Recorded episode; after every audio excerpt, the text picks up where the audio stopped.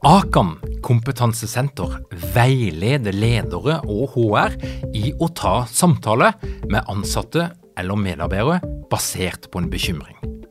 Akan setter ledere og medarbeidere i stand til å forebygge og håndtere en problematisk bruk av alkohol, narkotika, legemidler, spill eller doping blant ansatte. Ønsker du å lære mer om god forebygging og gjennomføring av samtale med en som du er bekymra for? Da kan du nå få tilgang på Akan sitt digitale samtalekurs til spesialpris, kun 760 kroner. Målet med kurset er å gjøre deg tryggere i det som kan være en krevende, men viktig samtale å ta i lederrollen.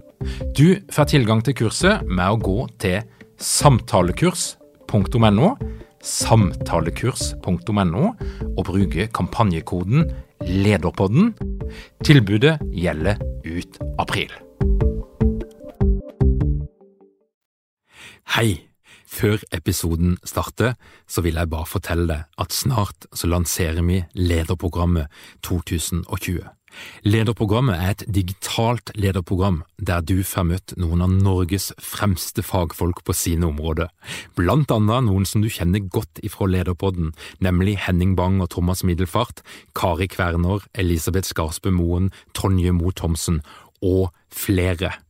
Hvis du ønsker å gjøre en forskjell i din organisasjon, i ditt liv eller i samfunnet som du er en del av, så kan det være at lederprogrammet er noe for deg. Har kun plass til 100 deltakere. Det er oppstart i august, og du kan finne ut mer om lederprogrammet på lederprogrammet.no. Hei! Har du noen gang tenkt på at møtet egentlig suger ut energi og skaper mer demotivasjon enn motivasjon? Har du noen gang avslutta en arbeidsdag og sett tilbake på dagen og ser at det eneste du har gjort hele dagen, det har vært å være med på møtet, og du vet egentlig ikke hva du har fått ut av det? I så fall så er du ikke alene. Vi vet ifra forskning at norske arbeidstakere de oppgir at en veldig stor andel av den tida de bruker på jobb, den gjenger med til møter som de opplever som ineffektive, og som gir lite resultat i den andre enden.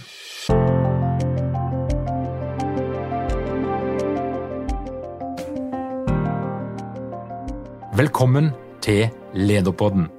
Dette her er en podkast for deg som er interessert i ledelse. Mitt navn er Tor Åge Eikerapen. Jeg jobber som organisasjonspsykolog, og tema for dagens episode det er møtekultur, og hvordan vi kan bruke den anledninga vi nå har fått til å justere på møtekulturen og få en mer effektiv, produktiv møtekultur på din arbeidsplass.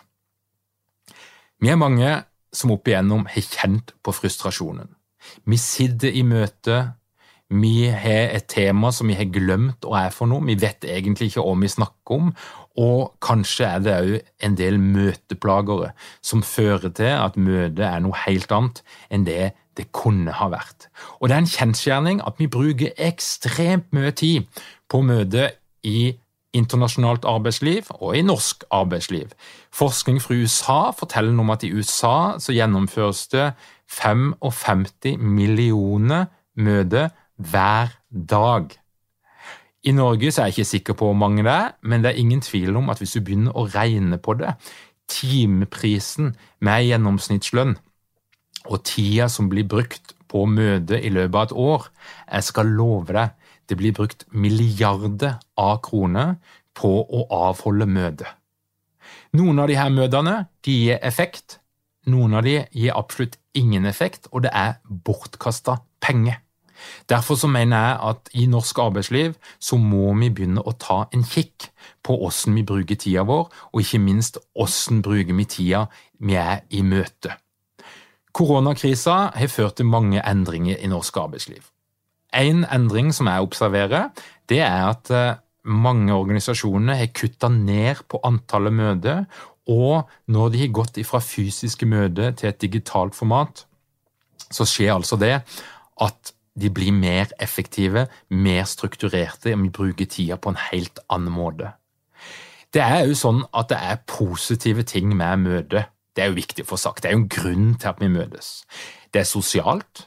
Det kan skape samhold. Det kan være lettere å få fram følelse, få fram vanskelige temaer som må diskuteres i et fysisk møte. Og det kan skape en følelse av fellesskap, en følelse av å være en del av noe som er større enn seg sjøl. Og det er en følelse som vi vet gir en positiv effekt i en organisasjon. Og Det er mange ting som er lettere, f.eks. å jobbe med innovasjon, få fram ideer, spille hverandre gode, få fram de virkelig gode forslagene, kan være mye lettere å gjøre i et møte enn på en annen arena. Så det er gode grunner til å delta på møte og fortsette å ha møte. Men problemet er jo når møtene blir ineffektive når det blir en kilde til demotivasjon, når du kjenner bare hvordan det suger ut energien som du egentlig hadde den dagen, med en gang du setter deg ned på møtet, og du ser rundt deg i rommet, og det første folk gjør, det er å slenge opp skjermen sin og gå inn på et eller annet som ikke du vet hva er for noe. Og i et møte der folk da sitter på en PC-skjerm, så sendes det ut et signal om at dette her er ikke interessant. Du som snakker nå, du er ikke viktig for meg. Det er rent psykologisk et signal om avvisning som sendes ut når vi sitter med skjerm i et møte.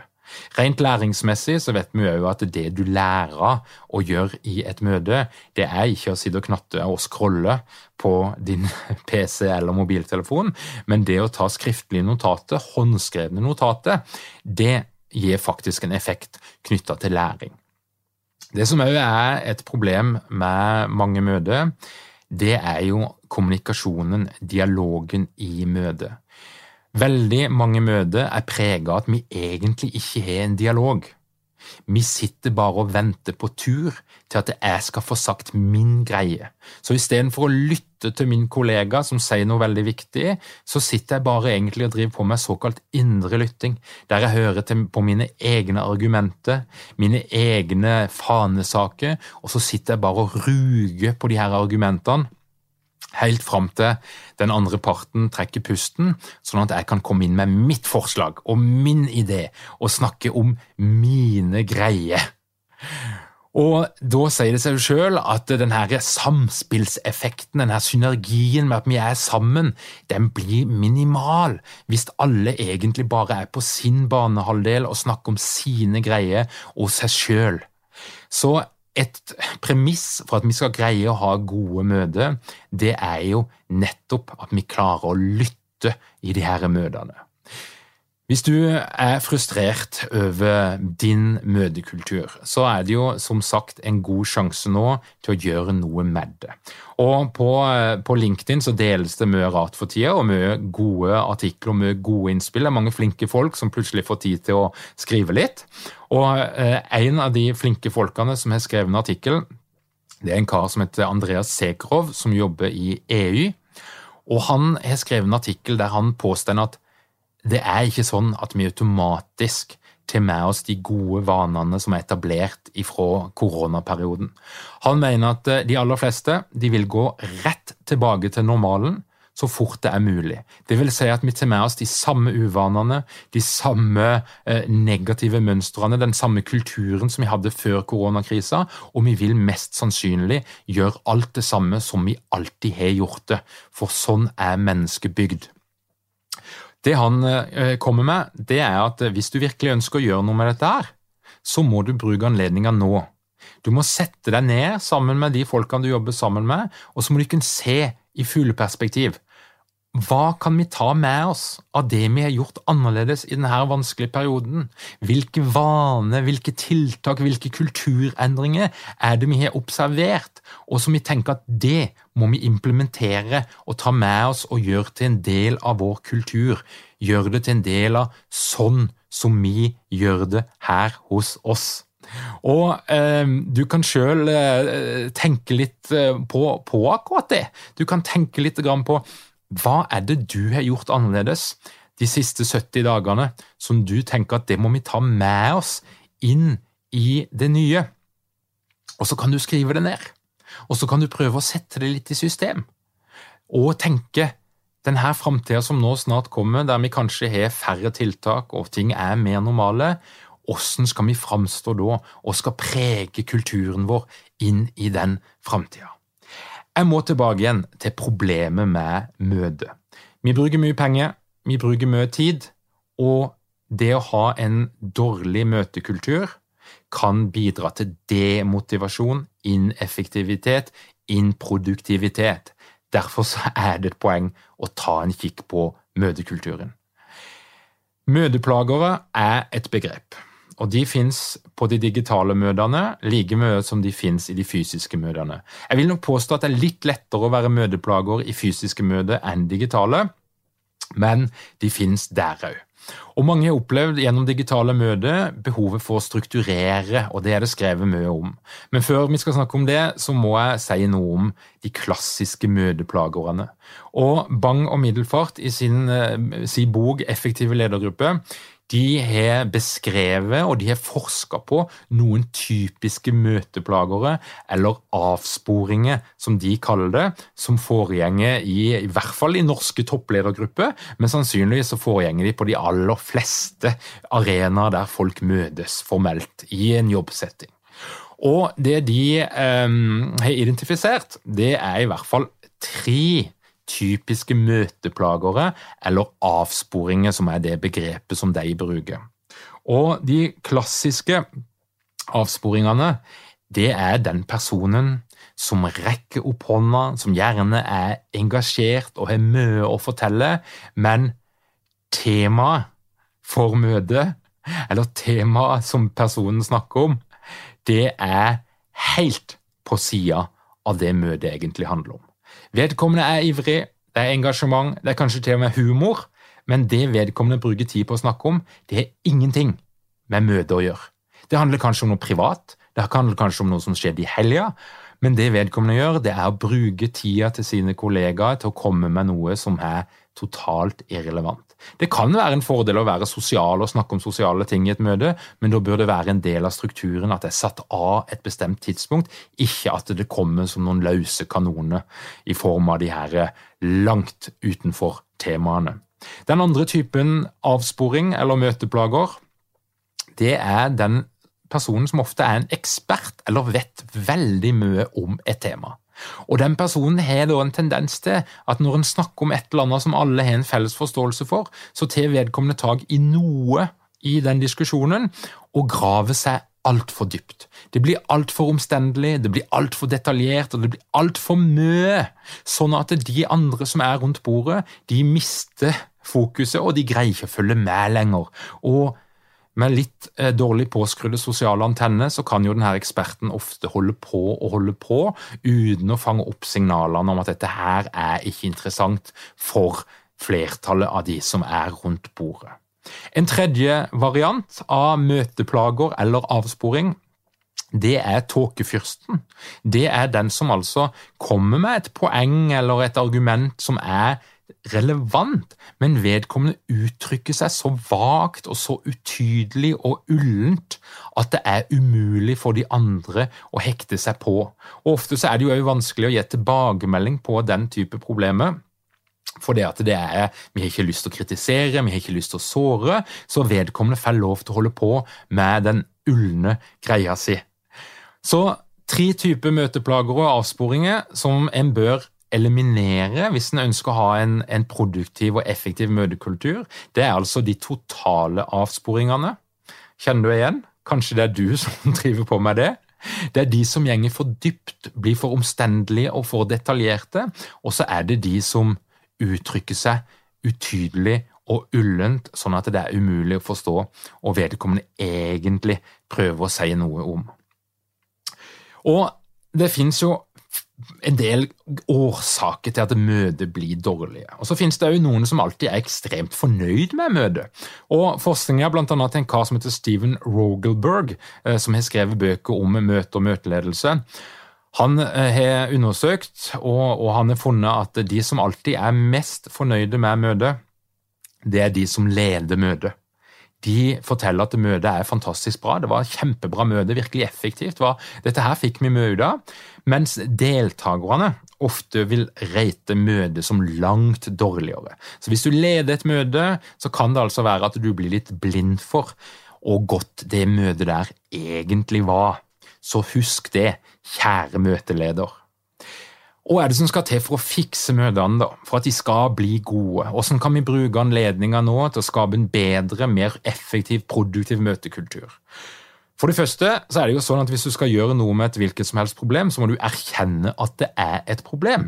Og Du trenger ikke nødvendigvis gjøre heftige matematiske, matematiske utregninger, men det å skaffe seg litt oversikt på hvor mye tid er det vi egentlig bruker på møtevirksomhet i vår organisasjon.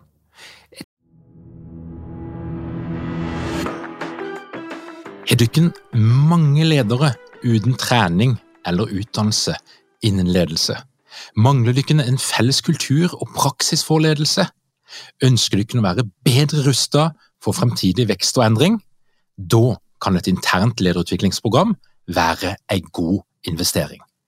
I Execu er vi eksperter på å designe og gjennomføre bedriftsinterne lederutviklingsprogram.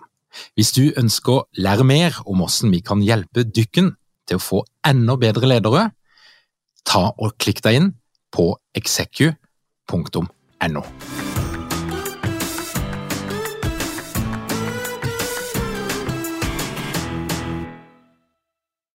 Lid Excel-ark, telle litt time, putt en liten sum på hver time, gange det opp og se hva du da ender opp med. Det er en spennende øvelse, og mange vil nok da få fram et tall som er relativt sjokkerende. Tidsbruken er sjokkerende, kostnaden er sjokkerende. Og det du har da, det er jo en nydelig driver for endring. Der har du faktisk etablert et why.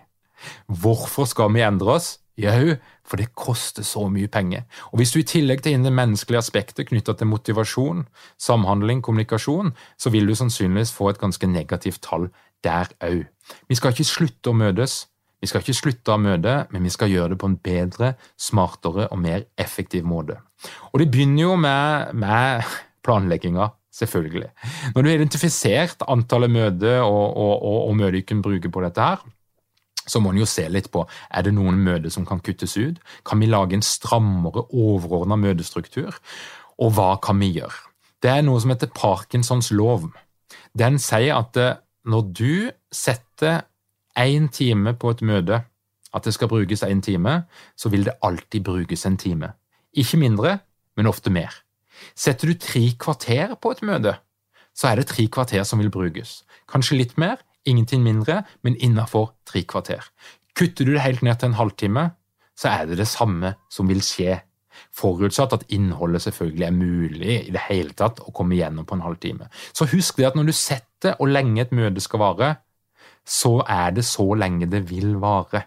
Og du kan altså allerede der gjøre en endring på hvor lenge møtet skal vare. Trenger de virkelig å vare en time? Klarer vi å konsentrere oss fullt ut i én time? Det tror jeg faktisk ikke. Spesielt ikke i virtuelle møter, så vet vi at vi blir slitne, vi blir ukonsentrerte, og den siste delen av møtet så faller vi kanskje mer eller mindre ut. Og det å være fokusert, konsentrert og være til stede når du først er på et møte, det er i seg selv en suksessfaktor. Et av de første spørsmålene du bør stille deg, det er jo hva skal vi få ut av dette møtet? Og er poenget med dette møtet? Er poenget å skape en ny idé? Er poenget at vi skal, skal bruke hverandres kollektive intelligens til å finne på noe nytt, til å innovere? Ok, det er jo én type kreativt møte som krever i hvert fall at alle er påskrudd, at alle er til stede, at alle bidrar. Det er det ingen tvil om. Det er én type møte. Er det et orienteringsmøte der lederen skal fortelle hva skjer og gi en status, og så ønsker du egentlig bare å få en bekreftelse og et nikk fra alle de andre? Er det kanskje sånn at du som leder er den som trenger møtet mest? Mer egentlig enn de andre? Treng, altså, kan du egentlig skrive en e-post? Kan du sende ut en video? Kan du gjøre noe helt annet? Vær litt kritisk til hvorfor du setter i gang et møte. Hvis du kjøper et eller annet som koster flere tusen kroner på din firmaregning, så vil du som regel gjøre en vurdering av viktigheten kost-nytte. Det kan du òg gjøre når det gjelder et møte. Idet du sender ut en møteinnkallelse, så signerer du på en kostnad. Hvis hver person koster 1000 kroner, ja, så er det kanskje 10 000, da. Eller 20 000. Hvis vi snakker om en timepris som er relativt høy, men som òg er reell i en del virksomheter. Så tenk deg om. Trenger du det møtet, og hva vil du få ut av det? Og hvilken type møte er det? Hva skal komme ut av det? Er det beslutnings, et beslutningsmøte, så er jo det en helt annen type møte, der det krever noen forberedelser. Det krever at folk må ha lest litt, de må ha gjort seg opp noen meninger for å få gode beslutninger på det møtet som en skal ha. Er det et møte bare for å skape motivasjon, for å få folk med deg, ja, så er det en helt annen type møte som må designes etter det. Og vi designer jo alt mulig rart, og vi snakker om design thinking. Og et møte kan òg designes. Og jeg tror at skal vi ha gode møter, så må folk trene seg og skolere seg på ledermøter. Det er ikke noe som du intuitivt bare kan hive deg i og tenke at det blir bra. I hvert fall hvis møtet er en stor kostnadspost og noe som du kan bruke mye tid på, så tror jeg de som har mange møter, bør være litt skolert. Et annet spørsmål som du bør stille deg før du setter i gang et møte og kaller inn, det er jo hvem skal delta? Vi vet at det er en kurve som viser at når vi kommer over syv personer i møte, så synker effektiviteten betraktelig. Og Jo flere folk som er med i møtet, jo mindre produktivt og jo mindre effektivt er det, og jo mindre sitter deltakerne igjen med en følelse av verdi etterpå. At dette her var et godt møte, dette her var et viktig møte, dette her var noe som vi fikk noe ut av. Så det å være obs på hvor mange er det egentlig som trenger å være med på det møtet? Hvem er det egentlig som fint kan la være? Og Du kan jo også gjøre oppmerksom på det når du kaller inn, at eh, de og de personene trenger egentlig ikke være med, men de kan velge sjøl. Det er hyggelig hvis de vil være med. Eh, det er jo sånn at eh, I enkelte kulturer så er det etablert at det er ok å forlate møtet hvis du opplever at nå har jeg sagt mitt, eller nå har jeg fått min input. Så er det altså Elon Musk. Det, det, han er til og med etablert et begrep. Det kalles altså å ta en Elon Musk. Det er å forlate møtet på en høflig måte, selvfølgelig, og det er avklart på forhånd. Men det kan være lov for å skape en større grad av verdi for de som er i møte. Så det er en uh, metode. Det, det, som også er poeng, er jo å avklare litt sånn spilleregler. Altså Agenda det er greit, du bør ha en stram agenda. Du kan gjerne sette av litt tid til sosialt prat, men da er det en dedikert tid der vi snakker og varmer opp og blir litt kjent, og det er en god ting. Og Spesielt når vi møtes eh, virtuelt, så er det sånn at de møtene blir mye mer effektive når vi kjenner hverandre fra før og, og, og har en sosial connection. Så det er lurt å bruke tid på det sosiale, men det kan være en del av agendaen. Og Jo strammere og jo tydeligere og jo kortere agendaen er, jo større er sannsynligheten for at det blir et godt møte.